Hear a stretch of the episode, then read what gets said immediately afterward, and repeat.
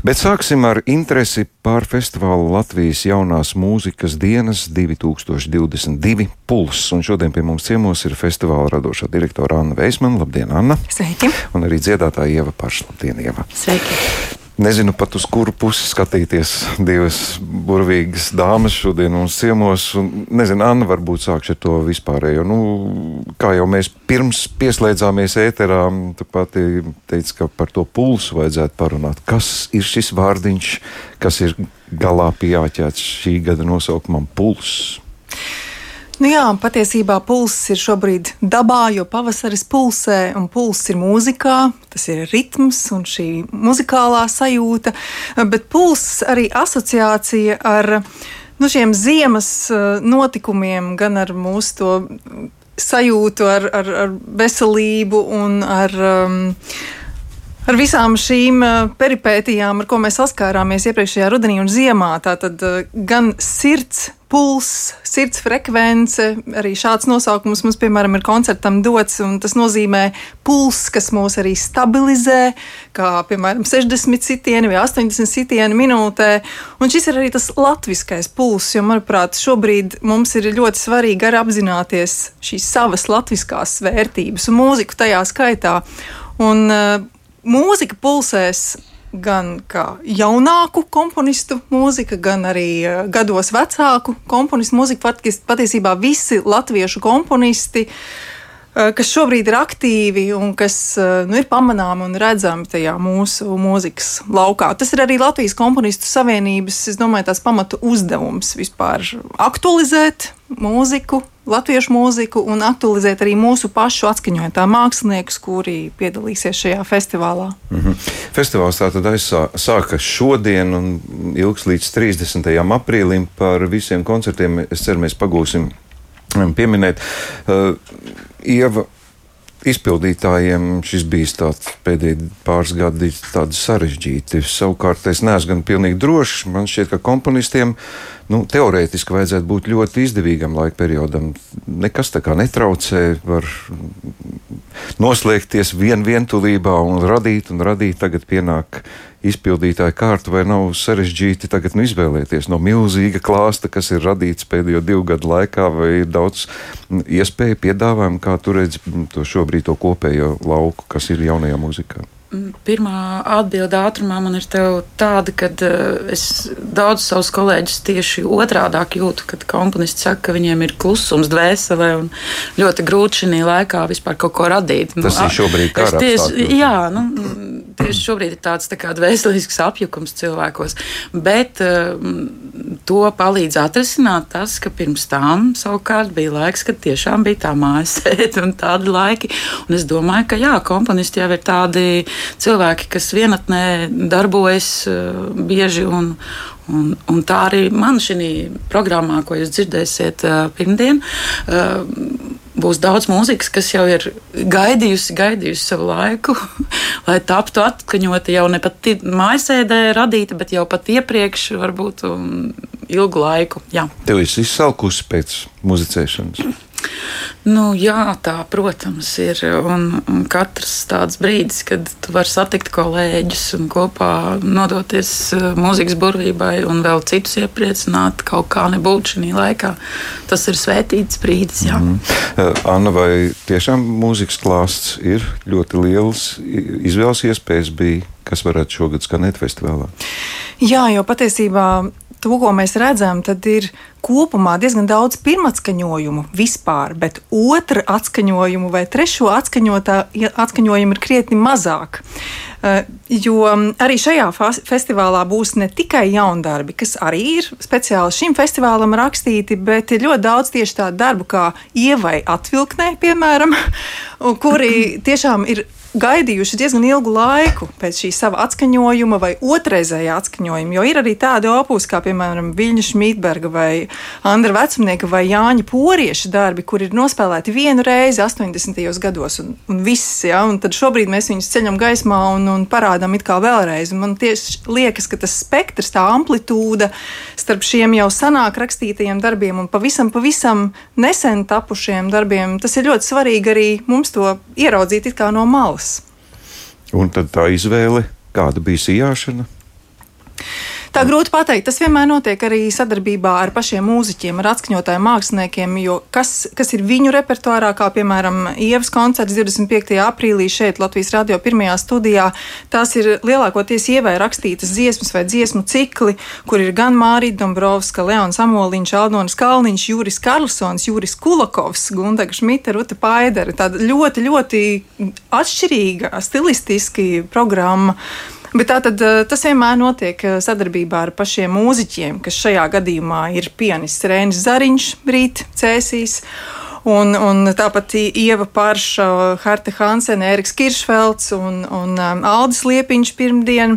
Savukārt uh, trešdien, 27. aprīlī, reformāta baznīcā simfonēta Rīga pūtēja kvintets. Un, un viņam arī nemaz nav tik daudz gan iepriekš rakstīta, gan jauna repertuāra, tāpēc būs divi jauni darbi - Marinas Gribinčikas un Raiva Misjuna darbi. Šis ir tāds jauns autors, kurš studējis Amsterdamā, piemēram, un pavisam nesen tikai Latvijā mēs viņu ieraugām. Un tādi mākslinieki būs arī 28. aprīlī, kurus jau mēs zinām pašus kā komponistus, piemēram, Andris Zenīts. Viņam būs gan pašam jaundarbs, gan viņš arī spēlēs elektroniskas improvizācijas. Pa vidu, piemēram, Oskara Herliņa, Jāņa Petrškeviča, Santas Bušs darbiem tāds varbūt alternatīvāks vakars būs Rīgas mākslas telpā. Un festivāla izskaņā 30. aprīlī būs kultūras akadēmijas koris Sola, jauktais koris Sola ar, ar diriģentiem, ar Kasparu Ādamsonu, un viņu repertuārā arī būs divi jaundarbi, Sabīnas Česbers un Renātes Stīvriņas opusi, kuri rakstīti vēl pirms pandēmijas, bet mēs zinām, kā bija pašdarbības koriem patiesībā jebkuriem lielākiem kolektīviem, cik problemātiski bija šī kopā nākšana. Līdz ar to arī šie opusi ir gaidījuši jau gana ilgi šo savu pirmatskaņojumu. Tātad būs gan pirmatskaņojumi, gan arī mūsu pašu jau zināmu komponistu, kā Ērika Ešenvalda, Jākab Jančēvs, Artur Maskat un vēl daudz citu komponistu mūzika. Bet īpaši, ja mēs jau pieskārāmies pie tiem koncertiem, tad noteikti jāatzīmē rītdienas koncerts Cēsīs kas būs sadarbībā ar festivālu Vaska mūzikas aprīlis un muzicēs pianists Rēnis Zariņš. Un šeit būs nu, tiešām centrā jaundarbi gan Pētera Vaska, gan Artura Maska, gan Andreja Salicka opusi klavierēm. Un, jā, uz šo koncertu mēs tiešām ļoti, ļoti aicinām, jo pēc tam būs arī orķestris Kievas solisti, kas tikko viesojās Rīgā. Patiesībā, jā, viņš šajā laikā ir Latvijā un muzicē vairāk kārt, un, un tātad divdaļīgs koncerts, kur būs gan Rēnis, gan šie brīnišķīgie Kievas mūziķi.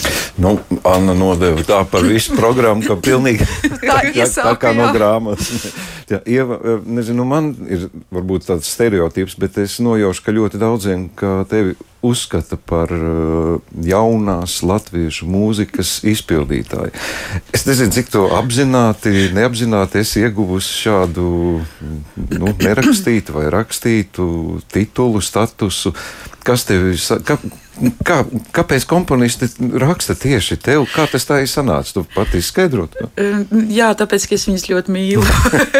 Nu, bet, bet visvairāk man patīk, ka mani ilgi sauc par jauno dziedātāju. Parafrāzējot, nevis jaunā mūzika, bet jaunā dziedātāja jau pārša man ļoti patīk. Jau pusgadsimts aiz muguras, bet es arī jūtos kā jaunā dziedātāja. bet, nu, kā tas ir izveidojies? Nu, taču klasika arī nav tev sveša repertuārā, bet tomēr, kad ir kāda jauna muzika, es ļoti bieži dzirdu dziedās iepaši. Jā, nu es laikam, varbūt tas pateicoties tam, ka man ir daļa nebēdnības. Un, un es eh, varu pārkāpt tos akadēmiskās muzikas principus. Varbūt tā tas ir izveidojies, jo man tas patīk. Un, un man patīk tvert mūziku kopumā, kā tādu vienu lielu bumbu, eh, kurā ir sajaucies viss, gan klasika, gan mūsdienas, gan folklora, gan es nezinu, viss iespējamais. Man liekas, ka tas viss kaut kur ap vienu būtību rotē. Tev nav tāds sajūta, ka komponists tā kā atplauks. Ka viņi var arī iziet ārpus kaut kādiem kanoniem, kaut kādām robežām. Viņi tā kā spēlējās, un tad tu tiec iesaistīti, jo tu to vari izdarīt? Varbūt noteikti, jo mm, cik man ir nācies mazliet pieskarties kompozīcijai, man arī allaži ir mm, patikuši konkrēti izpildītā. Viņi ļoti ir uh, vedinājuši arī kaut ko domāt un darīt. Vai un, tas 24. arī būs tāds pusdauzīšanās koncerts? Vai dieniņi tur būs ļoti mīļa man mūzika, jā, un tiešām daudz pirmā skaņojumu, kā teica Anna. Un viens no tādiem ir, teiksim, tīri tā kā tāda muzikāla piedeva varbūt šim koncertam, kas ir radies burtiski lieldienās šīs. Aldons Kalniņš man ir sarakstījis, veltījis desmit dziesmu burtnīcu, ievas burtnīcu ar Knutu Skujnieku tekstiem, kas ir balsī akapela. Bet es izvēlējos vienu dziesmiņu un ilgi domāju par to dziesmiņu, kā nu viņu labāk labāk nodziedāt, un vaicāja Aldonim, vai viņš, ne, kā viņš uzskata, varbūt, ka mēs varam visi kopā tādu muziķu, mums ir kolosāla komanda, varbūt mēs varam visi kaut kā piedalīties. Un tā dzīva ideja, ka Gundaga Šmite e, šo mazo dziesmu apaudzēja lieldienās e, tādējādi, ka mēs to varēsim pirmatskaņot visi kopā ar Ēriku, ar Hertu un ar Aldi, Aldonim par brīnumu un prieku. Jā, viņš pats nemaz nezina, kas būs no viņa darba. Jā, bet viņš mums ļoti uzticas. Par citiem autoriem arī gribās dzirdēt, nu, ļoti dažādi, ārkārtīgi dažādi. Gundega Šmita, Marita Brausa, Lēns un Juris Kulakovs. Kā tu veidoji, tu veidoji šo programmu? Kas, kas bija tas? Jā, nu, nu, mēs tā kā kopā, jā, ar Ēriku Kiršvelu tāpat, jā. Jo daži, daži no šiem skaņdarbiem, piemēram, bija tikai vienā ierakstā. Es, piemēram, pēc radiofonoteikas ierakstiem dažus atradu. Nošu, piemēram, nav, citiem atkal ir notis. Un tad kaut kā mēs visi stiķējām kopā un ievar savu milzīgo mapi. Jā, man gribas atzīmēt, piemēram, Leons Amoliņš uh, radījis četras dziesmas čēlam un balsī. Viņš ar šīm dziesmām jau ilgu laiku staigā un auklējās un nes man, kad viņam tādas dziesmas ir un kur viņas nodziedāt un kā viņas nodziedāt. Un tad tagad būs tie svētki pienākuši. Šām dziesmām interesants moments ir tas, ka uh, viņš ir izvēlējis Jāņa Einfelda prozas teksta fragmentus, par ko Jānis Einfelds pats bija ļoti pārsteigts no viņa grāmatas Demona un Dunduri. Un, uh, tas ir ļoti arī saistošs un interesants brīdis. Bet uh, atsaucoties uz to, ko Anna teica, Ēriks Kiršfelds man piemēram arī eh, deliģēja teikt, ka Juris Karlsons šādu darbu, ko viņš atskaņos, vispār bija aizmirsis un neatcerējās, ka viņš tādu rakstīs. Vēl nespēja noticēt. Un tikai pateicoties tam, ka Ēriks bija eh, dzirdējis, ka Dombrovska konkursā Rīgā čelisti viņu spēlē, viņš ierosināja un atskaņoja šo partitūru, jā, ko Karlsons pats bija pilnīgi jau aizmirsis. Bet jūra dziesmas, uh, jūra dziesmas man ir nācies šeit, jūra kulakau mhm. dziesmas man ir šeit nācies dziedāt akurāt ar mājā, ļoti krāšņi viņam pašam spēlējot pavadījumus un, un Un šīs dziesmas radīja kaut kā mm, apkārtējos, un manī arī tāda neaizmirstama iespēja, ka gribējās viņas kaut kā varbūt precizēt, nu, dabūt kaut kur mm, iemūžināt.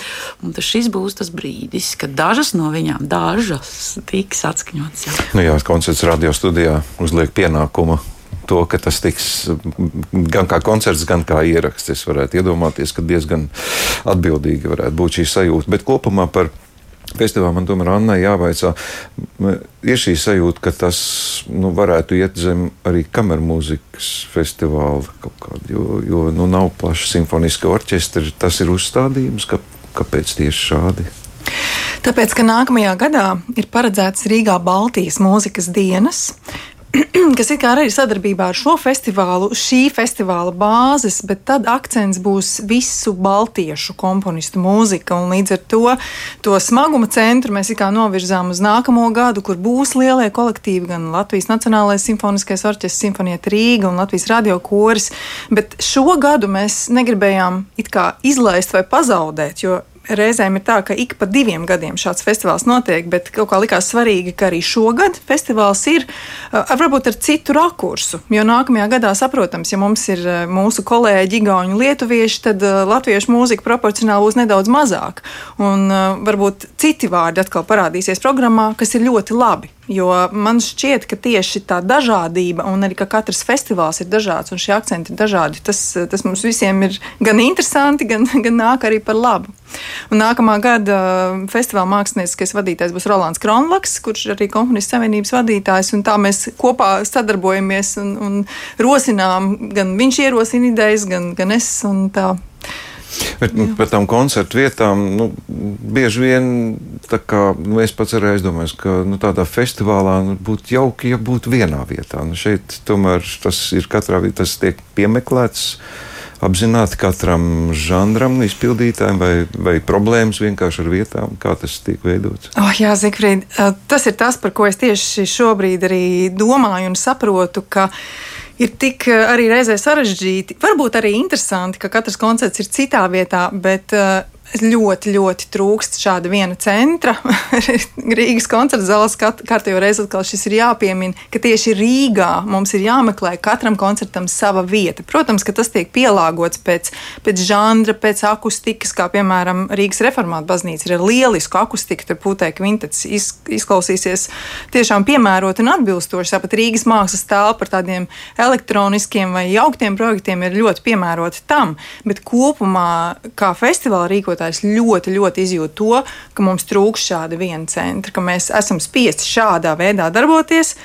Nu, kas arī varbūt jā, kaut kādā ziņā arī iegūst, jo katrai vietai ir varbūt ir sava auditorija, kas uz turieni vēlas nākt, gan Latvijas biedrības nams, gan tāpat Rīgas mākslas stāva, reformēta baznīca un Latvijas rādio pirmā studija, kur atkal varbūt ir sava auditorija. Mm. Ir kaut kādi uzdevumi, ko jūs uzstādījāt nu, pirms festivāla, kas ir jāpanāk, vai, vai vienkārši jāļauj mūzikai skanēt, vai ir, ir kaut kāda virsma uzdevuma? Es domāju, šī daudzveidība. Tas, tas noteikti šī gada festivāls ar to ir iezīmīgs, ka ir tiešām ļoti dažādu pauģu komponistu mūzika. Tas, laikam, ir tas galvenais, un lai katra programma tomēr ir ar savu stāstu, kā piemēram Rēņa Zariņa koncerts ir ar šiem trim komponistiem - Maskats, Vasks, Selīckis, un uh, savukārt uh, ir atradumi, kas ir 25. aprīlī šeit radio studijā, un tie tiešām ir atradumi, tāpēc tie, tie nosaukumi ir tematiski, tāpat ir pulsācija, kas ir no Pētera Plakida kompozīcijas pulsācija, un īpuls savukārt eh, ir tāda spēle ar impulsu. Tā kā e-puls, īpuls, kaut kas ar šīm elektroniskajām sistēmām varbūt, un sirds frekvence ir kora mūzikas koncertam. Tādēļ katra šī programma ir tomēr izauklēta kā tāds viens veselums. -hmm. Ja, ja pieminēja kaut vai to vienu nu, faktu par Aldu un Kalniņa nu, desmit dziesmām balsīs solo, tas nozīmē, ka tavās atvilktnēs glabājas pietiekami daudz muzikas, kuras nu, gaida savu pilnvērtīgu atskaņojumu. Daudz ir tādas? Uh, nu, neteiksim, ka ārkārtīgi daudz, bet ir. Tā arī vēl mm, šī koncertā arī Gundagas divas ziemīgas bagateles ir gaidījušas. Man liekas, no 2015. gada mēs spriedām. Un vēl palika no šī paša gada, man liekas, man ir kaut kur atvilktnēs pat herliņš un pegušās pat dziesmiņai. Jo faktiski man bija iecerēts tāds viens projekts, kas toreiz eh, nenotika. Mm, pat divas meistra dziesmas man vēl stāv.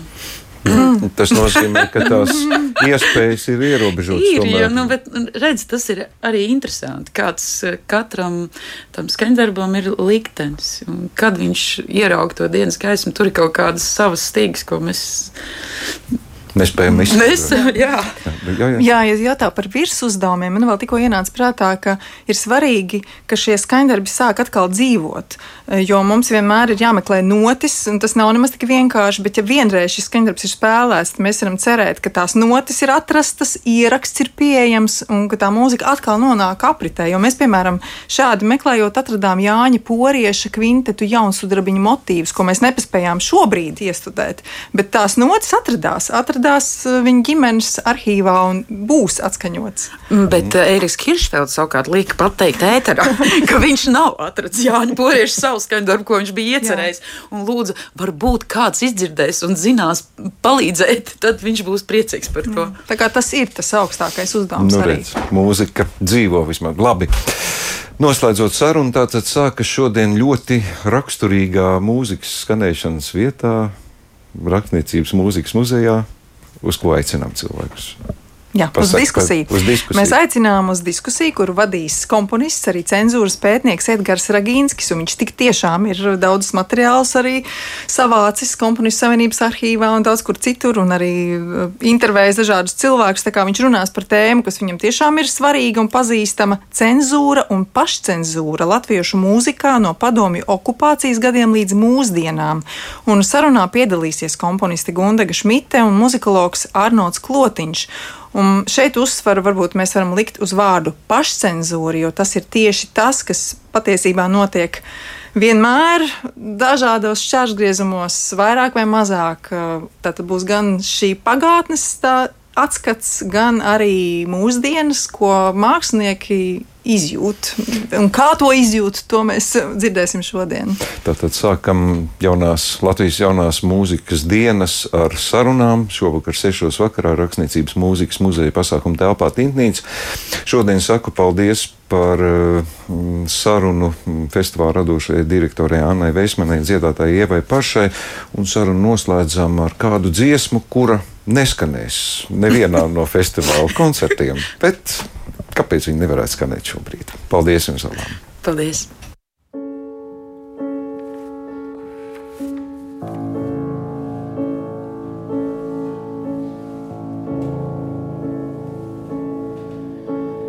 Visu es atdodu jums, kas